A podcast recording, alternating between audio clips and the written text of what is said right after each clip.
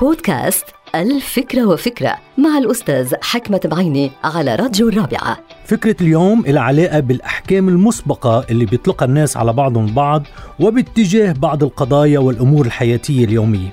وأهم ما في هذه الفكرة هي الدور السلبي اللي بتقوم به الأحكام المسبقة على عمليات التواصل بين الناس بما فيها الكلام والنقاش والاستماع إلى الآخر وأمور العصف الذهني. خلينا نشرح الفكرة. الاستماع مثلا هو فن من فنون التواصل.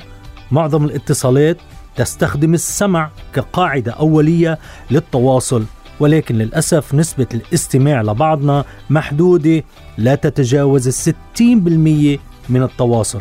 يعني إذا واحد عم بيحكي معك بس بتسمع له 60% ونسبة تخزين اللي بتسمعه من هالنسبة لا تتجاوز 25% فتخيل مثلا أنه نحن عم نتكلم مع أحد الأشخاص أحد الأشخاص من جنسية أخرى أو من عمل آخر أو من منطقة أخرى تربينا أنه مش كتير نحترم هذا الشخص أو هودي الجماعة أو تربينا أنه نقلل من شأنهم أو أحيانا في شوية عداء بيننا وبينهم.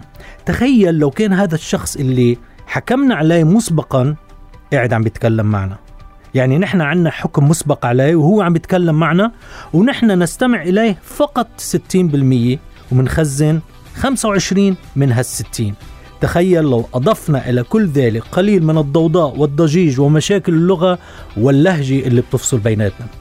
تخيل لو أضفنا لكل ذلك حكم مسبق أنه هذا الشخص تافه أو شرير أو عدو.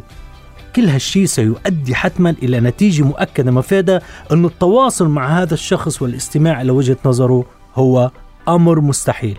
نعم احذروا الأحكام المسبقة لأنه نحن عندنا إنف مشاكل في السمع هذه الحلقة مقتبسة من كتاب الفكرة وفكرة.